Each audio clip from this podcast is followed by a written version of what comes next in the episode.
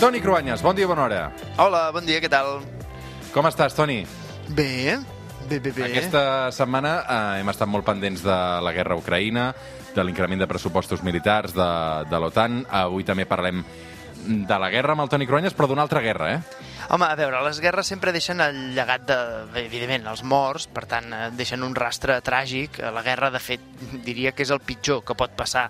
Edificis destruïts, una economia amb potes en l'aire, i el pitjor, gent que mor, gent que mata.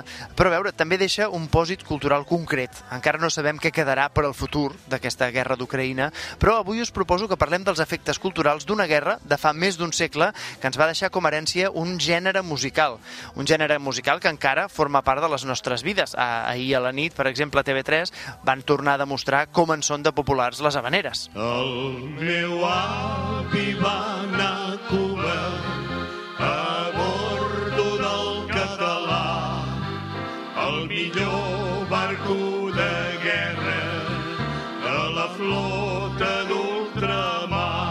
El meu avi, eh, mítica, ahir la vam sentir a la cantada d'habaneres de Calella de Palafrugell. Mm, No sé què tenen aquestes habaneres eh, que, que agraden tant a tanta gent, Toni.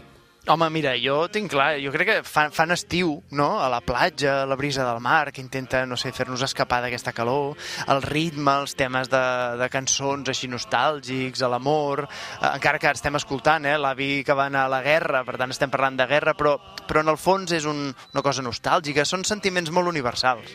De fet, uns sentiments condicionats pel moment històric concret, la pèrdua de Cuba, l'última colònia espanyola. L'avi de la cançó havia anat a Cuba a fer la guerra. Va ser el desastre del 98. A Cuba, sempre fidelíssima, com deia el segell de la colònia més arrelada emocionalment a Espanya, eh, allò va suposar un, tra un trauma nacional, no? Estem parlant del 1898, quan el nacionalisme espanyol eh, va veure com es trencava la mentalitat imperialista que polítics, historiadors oficials havien anat cultivant des de l'època de Cristòfor Colom. Clar, quatre segles després, la decadència del que havia sigut l'imperi ja, ja no es podia dissimular més. La pèrdua de la que era considerada com la joia de la corona de les colònies va ser un xoc emocional polític, sobretot a Castella. Però pels catalans, que es miraven la política espanyola de reull, també va significar un xoc emocional i econòmic important. Aquestes colònies de Castella, Toni, van estar prohibides pels catalans durant molt de temps. Clar, quan els regnes de Castella i Aragó tenien institucions totalment separades, Castella tenia vetades les relacions comercials dels catalans amb Amèrica. Però Carles III, el 1778, quan ja era una realitat la unificació d'hisendes, recordem que els catalans ja havien patit la derrota de la Guerra de Successió del 1714, doncs a partir d'aleshores se'ns van obrir les portes de les colònies i això va suposar un impuls importantíssim per l'economia catalana. Per això s'explica que en els segles XVIII i XIX Catalunya fos tan important també per als cubans, en coses bones i en coses dolentes. Els catalans, per exemple, es van significar pel tràfic d'esclaus africans i, de fet, en l'argot popular cubà, en aquella època, dir català era sinònim de dir negrer, de traficant d'esclaus. Congo, Congo, Macana, Macana, Congo. Els africans que van arribar a Cuba, a més de catalans i europeus, van fer el mestissatge que és la Cuba actual. Sí, i una mostra són encara els cognoms catalans que persisteixen a Cuba. De fet, la comunitat catalana més gran del món es troba precisament a Cuba abans de la seva guerra d'independència. Afegeixi que dels soldats espanyols enviats a lluitar-hi, una quarta part eren catalans.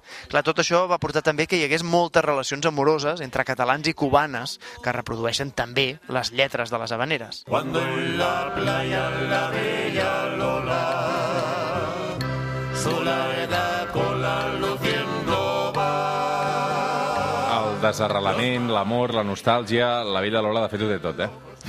A mi aquesta cançó mm, a mi m'encanta, però, però n'hi ha moltes més. Mira, altres cançons que no sabem, que ni sabem que són habaneres. M'agrada molt aquesta també, tan popular. Gavina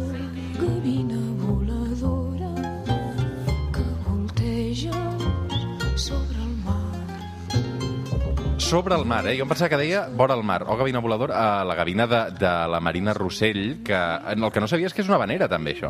No, a veure, si t'hi fixes amb la lletra, tot encaixa, no? És a dir, és el mar, el, el, el bes que dona la, la gavina a l'amada, que està en un altre lloc, en una altra platja.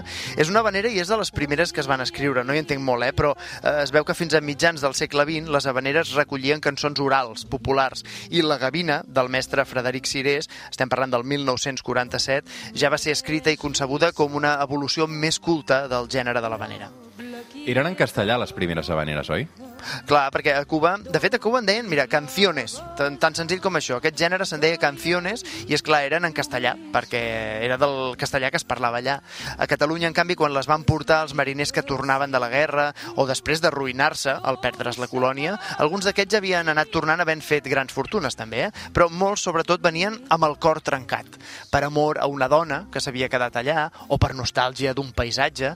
Fixa't perquè l'experiència nostàlgica sigui completa, les habaneres s'han de cantar això a la platja, mirant l'horitzó del mar, que és com si miressis d'on van tornar els vaixells quan venien de Cuba. Si pot ser, les habaneres també s'han d'acompanyar de rom cremat. Pensa que el rom i el sucre, que es crema, eh, eren productes de la colònia que aquí, des del segle XIX, eren molt apreciats. Clar, la, la Cuba formava part de l'imaginari proper als nostres avis i besavis. En aquest cas era una altra Cuba, la d'abans de la revolta de Fidel Castro, per exemple, no? Sí, per això ara les habaneres, eh, clar, ja no tenen sentit i són els nostres avis els que eh, els emocionaven més, no? Eh, Per nosaltres només són com si fos això, un gènere nostàlgic. Això no vol dir que no se'n componguin de noves. Mira, escolta aquesta que t'agradarà. No és fàcil estimar algú quan han prohibit l'amor. No poder-ho cridar fort que no ho sàpiga ningú. En aquest cas, la història d'amor d'un mariner, eh, però no per una dona, sinó per un altre home. Per en Ramiro. Eh, és eh, un pescador que dedica una cançó d'aquest amor prohibit al seu amat. És la primera habanera LGTBI i la canta Lil Dami, ja el coneixem, Lil Dami. Doncs ja saps que mm, a mi m'agrada molt Lil Dami i aquesta habanera gai amb el grup Arjau de Calella de Profrugell és, és, és molt bonica i això és senzillament una evolució del gènere perquè el que fa és doncs, canviar l'estimada per un estimat. Doncs avui fins les 9 del matí amb aquest Lil Dami i el seu Ramiro. Bona setmana, Toni Cruanyes. Bona setmana.